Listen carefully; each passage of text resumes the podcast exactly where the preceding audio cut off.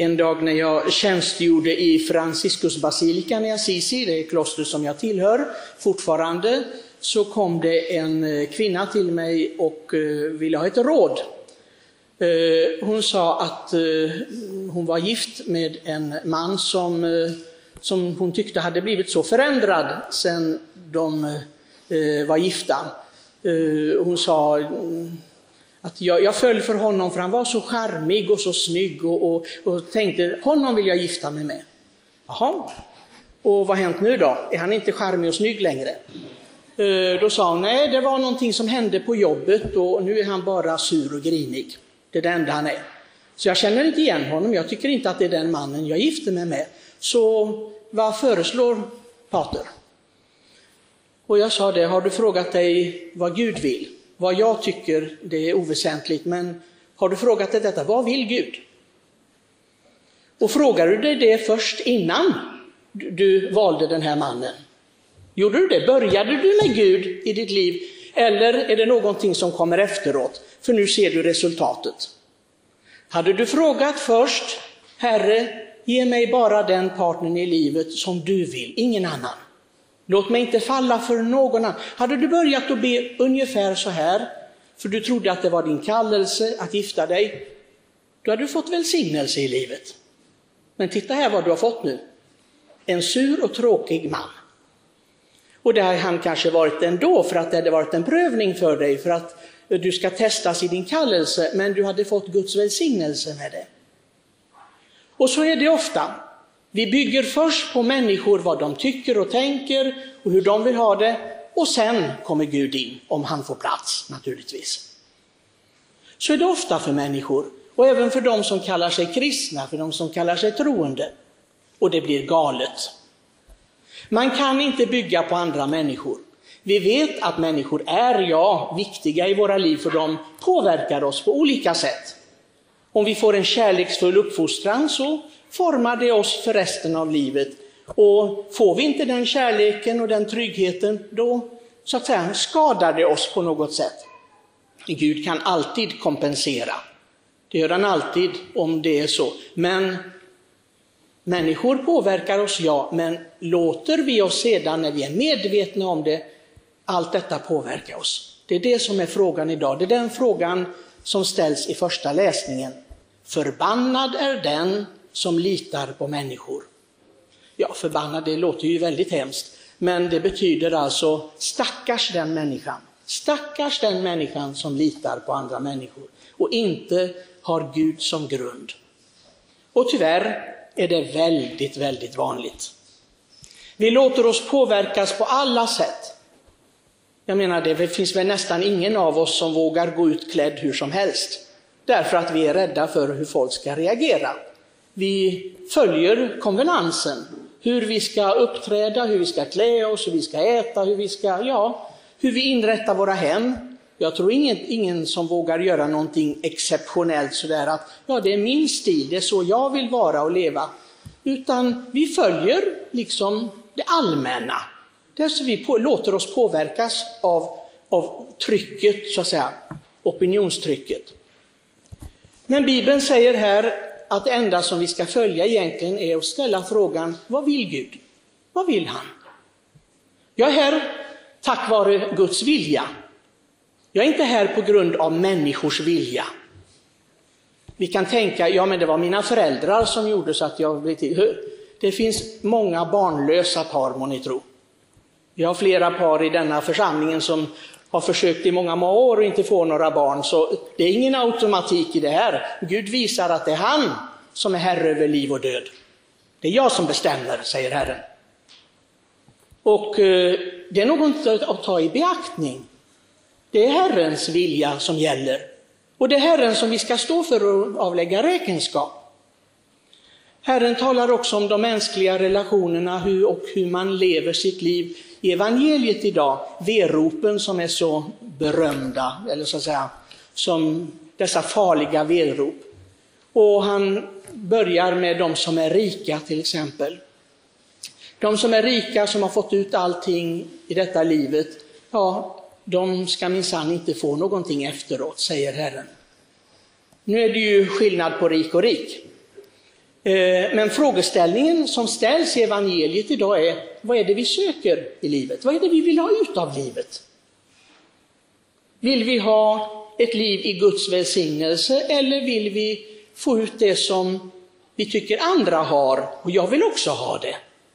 Ni vet när barn leker och så, så ser de någon annan med en leksak och de säger jag vill också ha den där bilen eller vad det nu kan vara för någonting. Och så bråkar man om någon liten plastgrej eller vad det nu kan vara. Och så fortsätter vi nästan hela livet. Vi tycker att barn kanske, ja men de är barn, de gör så. Ja men vuxna då? Vuxna som är avundsjuka på andra, är det inte precis samma sak men i en annan dimension? Det är precis samma sak. Egentligen så borde man bara vara avundsjuk på helgonen. Titta vad de har kommit fram till. Titta att få liksom en sån mognad i livet att de förstår vad som är viktigt. Att kunna skilja på skräpet i livet och på det som verkligen har ett värde. Och det, det kunde helgonen. Och det var inte det att de blev programmerade eller matade med detta automatiskt av Gud. Nej, de fick kämpa precis som alla andra människor. De fick kämpa att se igenom alltihopa det här. Att kunna ha den här radarblicken. Det där, ska, det där är ingenting att ha i livet.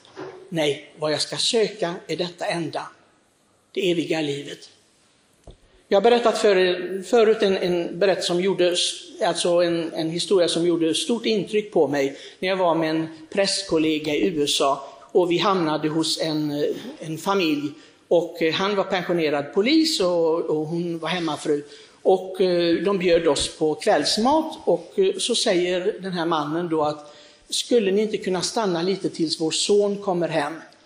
Han är ute och åker motorcykel nu med några kompisar, men jag skulle så gärna vilja att ni stannade och någon av er hörde hans bikt.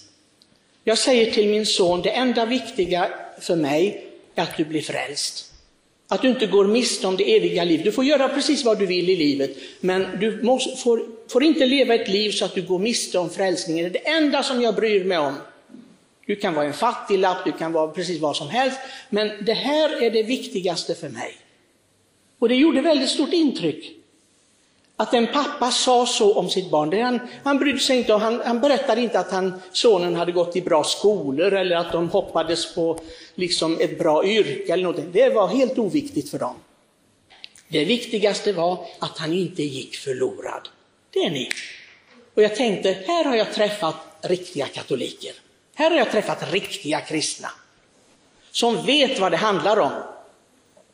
Det är så många liksom som berättar om sina barn och barnbarn och de är så lyckliga över skolor eller resor de har gjort eller eh, yrken de får. Eller vad, men inte ett ljud om, ja men jag är så lycklig att de verkligen går på frälsningens väg. Jag har nästan aldrig hört någon förälder som säger så.